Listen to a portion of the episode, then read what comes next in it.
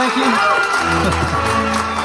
wow, I think it's wonderful that so many people are here. We're aware of the fact that it's Friday night in Washington, exciting.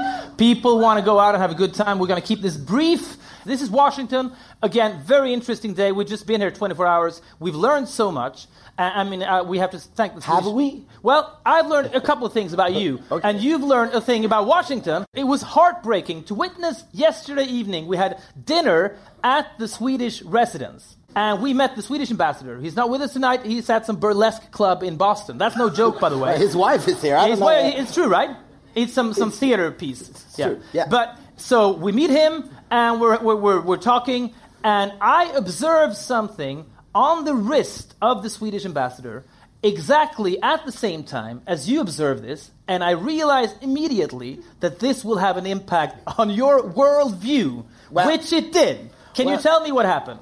This is this is actually true. But when, when I grew up, I, I uh, for some reason I dreamed of becoming a diplomat. I had no idea what, what sort of the work entailed in any way. You still don't, No, I don't really. That- no. which was proven I yesterday. still, you know, that's why I, got, I was so uh, disappointed yesterday because exactly my sort of uh, vision of the, the, the diplomat or even the ambassador, why I wanted to become a diplomat was because I found all these cocktail parties so appealing. Mm-hmm. Like, this is a job where you're having drinks mm-hmm. and it's okay to be a bit alcoholic. It's mm-hmm. okay. Not that we're saying that all people No, no, are, but I mean, well, I had this experience in Shanghai years ago. The, the, the, the diplomat was just lying on the floor. Just, was that the guy you had to carry into a taxi cab? they had to carry him into a taxi, and I felt instantly that that's who I want to become. Okay, okay. It's like a job where that's okay. Eh, Because he also had, he has this blue passport, Mm-hmm. so it's okay. And I guess in, in in Shanghai, maybe if you're drunk and, you know, public intoxication, you could end up on death row. Mm-hmm. But since this was the consulate, he, he, he was under Swedish law. Mm-hmm. So there was nothing happened to this guy, obviously. But I asked before taking him into the cab, like, am I in China now? Is there a bigger risk that, that he will die now? Whatever. Mm. But, so that was, that was my first encounter with a diplomat, and he sort of strengthened Mm-hmm. the image I had, or what I was striving for as a kid. Then my dad told me, well, you have to maybe study to, to, to Study law. study law. And then Five go- years? Yeah. And I can actually- see your enthusiasm dwindling yeah, as I he's got- saying this. I got in actually, but then someone said you can do something else. So, so I, well, I didn't end up uh, studying. But so, so here we are in Washington, Yesterday and I Mm-hmm. evening. still have this vision. Very romanticized. Let's meet another party ambassador.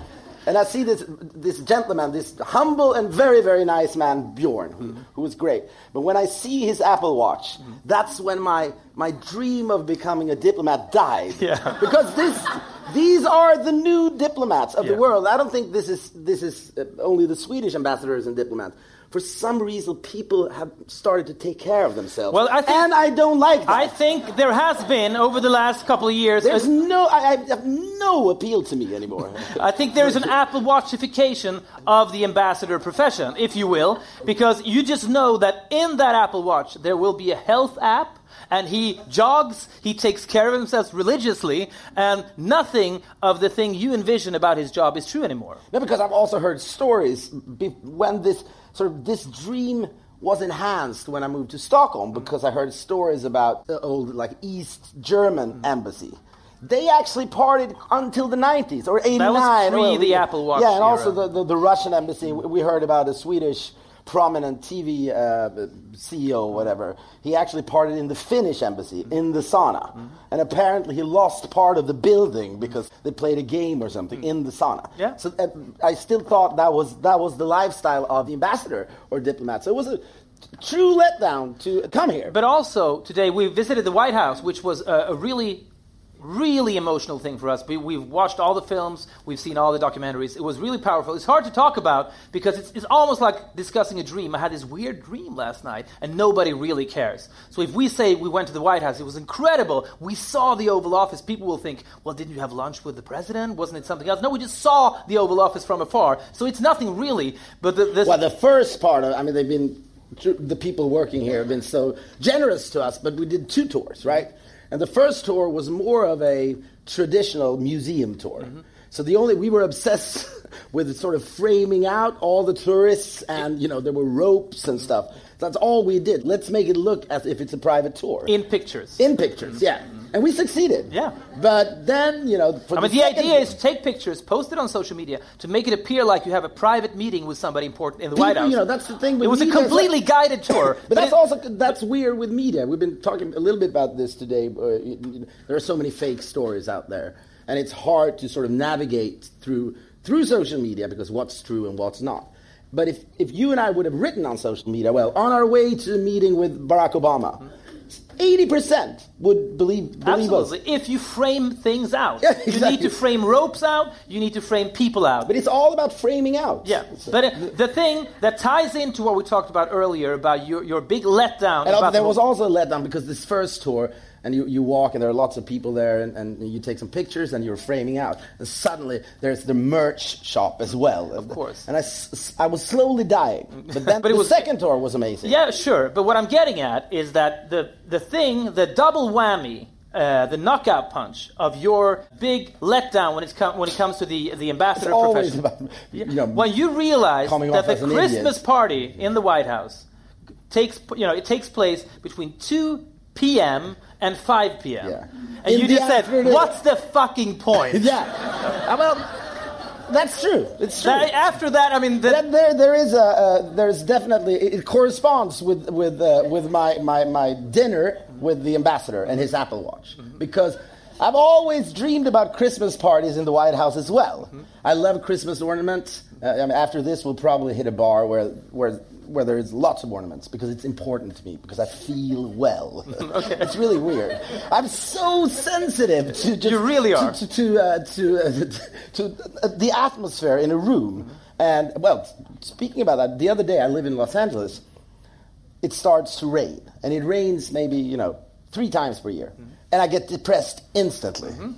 And I my heart bleeds. exactly, and I feel as if the world is unfair to me. Uh, that it- because it Yes, rains. uh, do I have to? Do I have to live in a city where it rains? All right. But I was truly depressed. So I opened a bottle of beer or whatever, went out, and I, I, I had a cigarette, and then I see my one-year-old son, or one and a half almost. He walks out, and he sees that I feel as if life has been treating me unfairly. He's one and a half. Yeah, he's one and a half. He Very looks at me- sensitive as yeah, well. Yeah, yeah. And he he's young. So that, this is the first time ever he he experiences uh, rain. Oh, wow. So he doesn't know that it's a bad thing just when he looks at it. Okay. So I'm thinking I need to do an experiment here to see if he's my son. It's like a DNA test, All right? right. Very simple it's like, one. I how- what's going to happen now? Does he have my genes? Mm-hmm. Yeah. Because uh, when he came out, he was laughing, and I'm like, "What the fuck are you laughing? This is it's raining. What's going on here is truly depressing, you know." And then so I, I, I pushed him out in the rain, Mm-hmm. and he sort of freezed. And he was just standing there for 30 seconds. It was cold as hell. He had a T-shirt on, and he was had a cold already. Mm-hmm. I said, I need to see what's happening. And then it was raining, raining, raining. And then he started to cry, like you know, like a baby. Which he is. And yeah. he just cried and cried and cried. And then I realized, wow, he's my son. And that was Okay. a confirmation. Very relieving.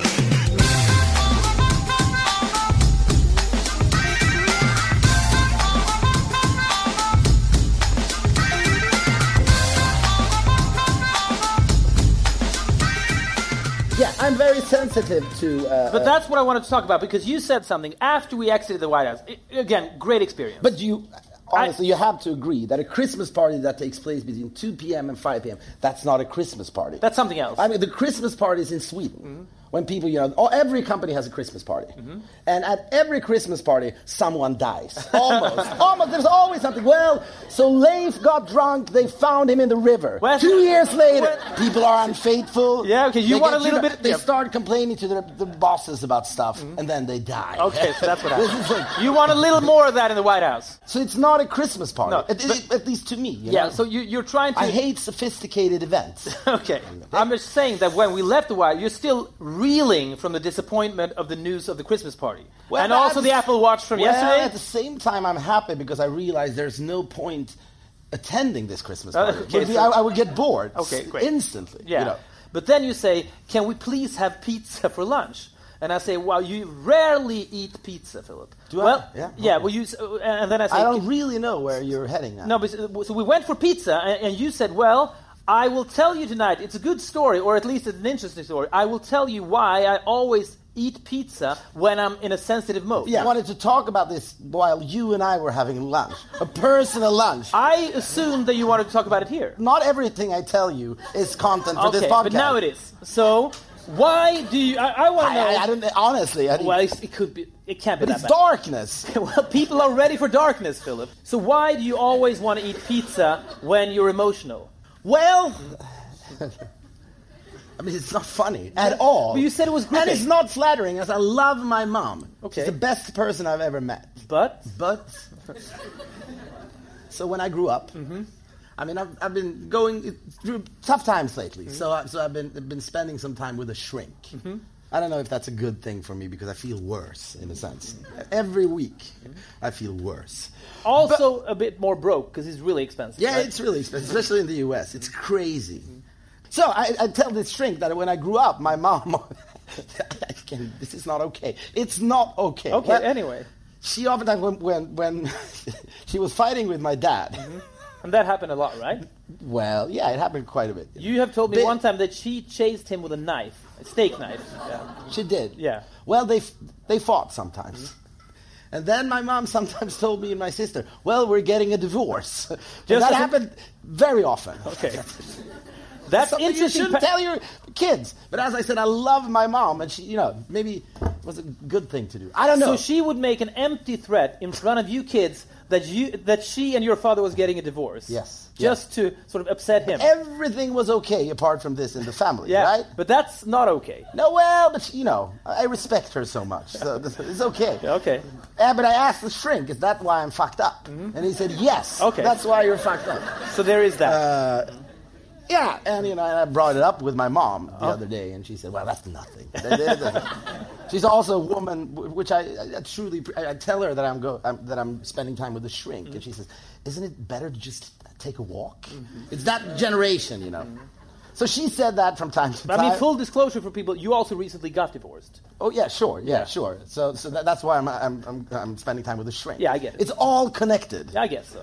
But what, I don't see how the pizza ties into. Well, th- this is the thing. So she said that. And, Mm-hmm. We're getting a uh, divorce. And my dad looked at me with his eye. He was lame. Such a lame dad. I had Mm-hmm. incredibly lame. So he just looked at me, and then I left the house. Mm-hmm. And uh, I always went to the same little tiny local deli, Mm-hmm. basically. And I bought a bag of candy. Always the same. Gott och blandat. Good and mix. Tasty and mixed. Tasty and mixed. And I bought that, and then I went out in the forest. And I sat on the same stone and I cried. wow. Wow. That's where the uh, fucked up process started, of course. Wow. This is- very, uh, very, uh, very intense emotions. Like what's going on in my life? I- I'm sitting there for hours on that stone, and then you know, so it's over. Me and my parents are not gonna uh, live in the same house anymore. Then it gets dark, and I took my bicycle and I went home. And then I get to the house, and you know, they're still fighting. So maybe I go to bed, and same procedure next day. I go sit on this stone. then maybe after two days, I see that there's a little glasnost or whatever you call it. It- uh, the, it- the atmosphere is slightly better. And then I always, for, for every time I know that the fight was over, was when my dad said, "Well, are we going to have pizza tonight?" And then he brought up the phone, and then he called for pizza, and my and he asked my mom, "What do you want?" And he, she always responded, "I want a calzone," which was a, a pizza that was covered up, folded- yeah. folded, yeah. Yeah. And then I knew every time that my mom said. I'm having a calzone. I realize they're not getting divorced. Wow. So, wow. A beau- I mean, that- what's- that's a beautiful story. Yeah. It's So also, I that's don't know, why- something about it is comical. So the pizza has uh, uh, uh emotional connotations for me. Okay. And then I went to the Salambo pizzeria to pick it up with my mm-hmm. dad. Mm-hmm. And I always got this lollipop, I remember, with a thin lollipop, mm-hmm. which represented some kind of relief to me for years. that- so every time I give, there's so many metaphors and signs, every time I give my daughter a, a, a lollipop, I think of when my parents fought and how, how the lollipop symbolizes, you know, peace. okay, wow. Peace, yeah. Yeah, well, that's, that's- my life. that's you know? beautiful, yeah. It- But this see- is not as dark as it sounds. I have to stress that. You know? Sure. But Whatever we have a very, uh, very um, good relationship with my parents, and they, apart from me, are still married. Well, that's that's pizza for you. Yeah. Marina Abramovich, the artist. You know her, right? Well, the yeah. artist is present. Yeah, yeah, I heard about an installation that blew my mind. Maybe we could talk about that. Sure, sure. I think that The art world has a problem to reach the masses, right? And I think, mu- much as we spoke about today, we talk about freedom of press and we talk about the, the, the, problems of the elite media to reach the entire US country or the entire world. It's all about, you know, clickbait and it's all about short articles and it's all about tantalizing lies that people will click upon and, and click on and then they will mistake that for news. And I think that the news media should become better at presenting these complicated stories in really short. More accessible, right? Yeah, because if you read the New York Times, in theory, as you said earlier today, when you get the New York Times and you sit down with it, you think that you will read all these articles. Well, I also think that I have read an article, but I haven't. No. So when I leave the, the, the, the, the table, you know, after breakfast, I think, oh, I read three articles in the New York Times. Which you really haven't. No, I haven't. Because no. you so desperately want to read these articles. And you want to come off as somewhat updated with the current events. Yeah. And, and I think the art world is also sort of mistaken for elitist, and also maybe sometimes it is. But then I read about this installation that just, there was something very, very immediate and, and sensational about it. Uh, so Marina Abramovich is a performance artist. She makes weird things. She and her ex-boyfriend, I think they walked the entire Chinese wall, right? What's interesting about the Great Wall of China, by the way, is the misconception that a lot of people share that you're able, exactly yeah, you're, you're able to see the Great Wall of China from the moon which is, I mean, why would you? It's just a line. It's not completely clear to me because, uh, but I think it's completely clear to because most people. Because once he, this happened, you know, once this guy fooled me into thinking that that you could actually see the department store Harrods from the moon. Well, because it, it's, he said like, well at Christmas time when it's lit up they have a great light display. You can actually see it from the moon. I can see he, he's totally digging it. And I bought into it yeah. you can really see uh, but the Great Wall of China is really long and they walked from one end of, of it each and then they met each other in the middle. They hugged and then continued walking. As a performance piece. But what I heard about now which is I think fairly recent is that they had an exhibition where she stood in the middle of a museum. I think she may have been bare chested, maybe not, but it was really it was really intimate and it was pretty raw. And he had a huge bow and arrow, and he held the arrow really close to her heart. She held the bow yeah. and he held the string. So it was if any of them lost the grip, she would die instantly. And they had a microphone to their hearts. So what was playing in the entire museum is their heartbeat escalating, going faster and faster out of fear of death. That's all I have. Artists like this are really, they should help the media to reach more people because they're way more sensational in the way they present things. And I think it's really good. And I think that's something, to, like you heard it here first. We got to see much more of that in the future to reach people.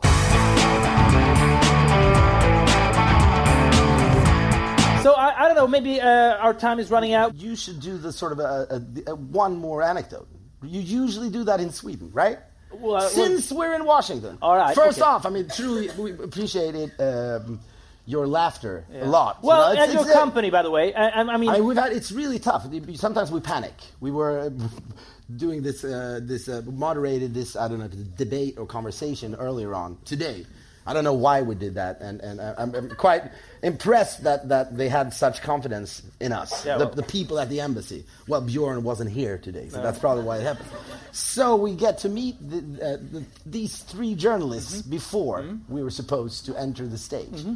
And you ask one of the, a woman, brilliant woman from Politico, right? Yeah. What do you want to talk about? Yeah. And she speaks for two minutes. Two minutes, and I understand zero of what she's talking about. I absolutely nothing. And I glanced towards Philip, said, I'm never your savior. You no, know, you no. can't trust me. No, and it was it was. And that you know, so that gave us um, it was you know, bad uh, bad confidence. Well, so, so, coming in here, yeah. I felt very late. And you're also very sensitive. I also feel that I've been too you know revealing about my childhood. Well, it's it's okay. It's a long time ago. Well, maybe people will feel sorry for so me. I, so, but this has been very relaxed. Yeah. I'm, I'm happy. I'm back again. Is there anything else we need to see? Bart? No. Thank you, maybe. Thank you very much for doing this. Now, what will happen is I will tell an anecdote that I've told on a couple of occasions. I could tell it again, I think, because we're in Washington. This d- deals with one of the most beloved U.S. presidents ever, Ronald Reagan. And it deals with death. Yeah, and so we're all going to die. It's a very dark anecdote, but it's also humanizing. It will be quite clear when it's over, and then that will be it.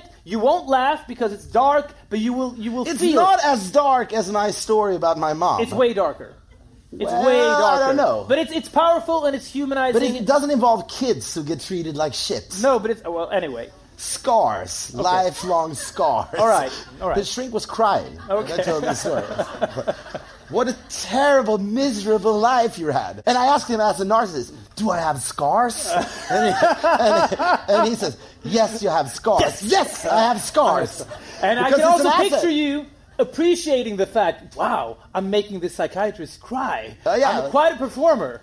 But it's really it's interesting because I guess a lot of you can identify with this. It's nice when someone tells you have scars because it sounds you, you become a more interesting person.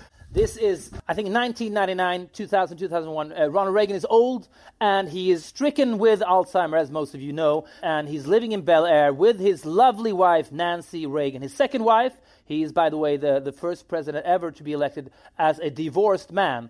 And now, of course, we have a, ma- a man who's been divorced twice. So that's history uh, in itself. But this is 1999, and Ronald Reagan is living a quiet life in his residence in Bel Air, where time is passing slowly, uh, and he's just sort of taking it easy because he doesn't have much choice. And one day, Nancy Reagan can't find Ronald. She can't find him. He's not on the streets. And eventually, she finds him in the library of the residence, and he's by the aquarium. And this is a true story, by the way, uh, told by the official Ronald Reagan biographer who, who, uh, who was told this story by Nancy. Uh, and it's quite a powerful one. And she's walking up to Ronald and she said, Ronnie, what are you doing? And he's standing by the aquarium uh, and she can see that his hand is wet and he has a clenched fist. And on the bottom of the aquarium, there is like a replica of Washington, D.C. You have all the little buildings, but in, in small versions of it. And he has obviously had his hand down the aquarium because it's, it's dripping wet. And she says, Ronnie, what are you doing? What are you holding in your hand?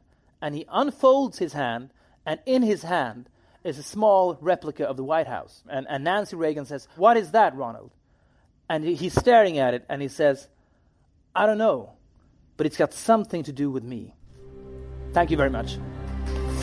Thank you.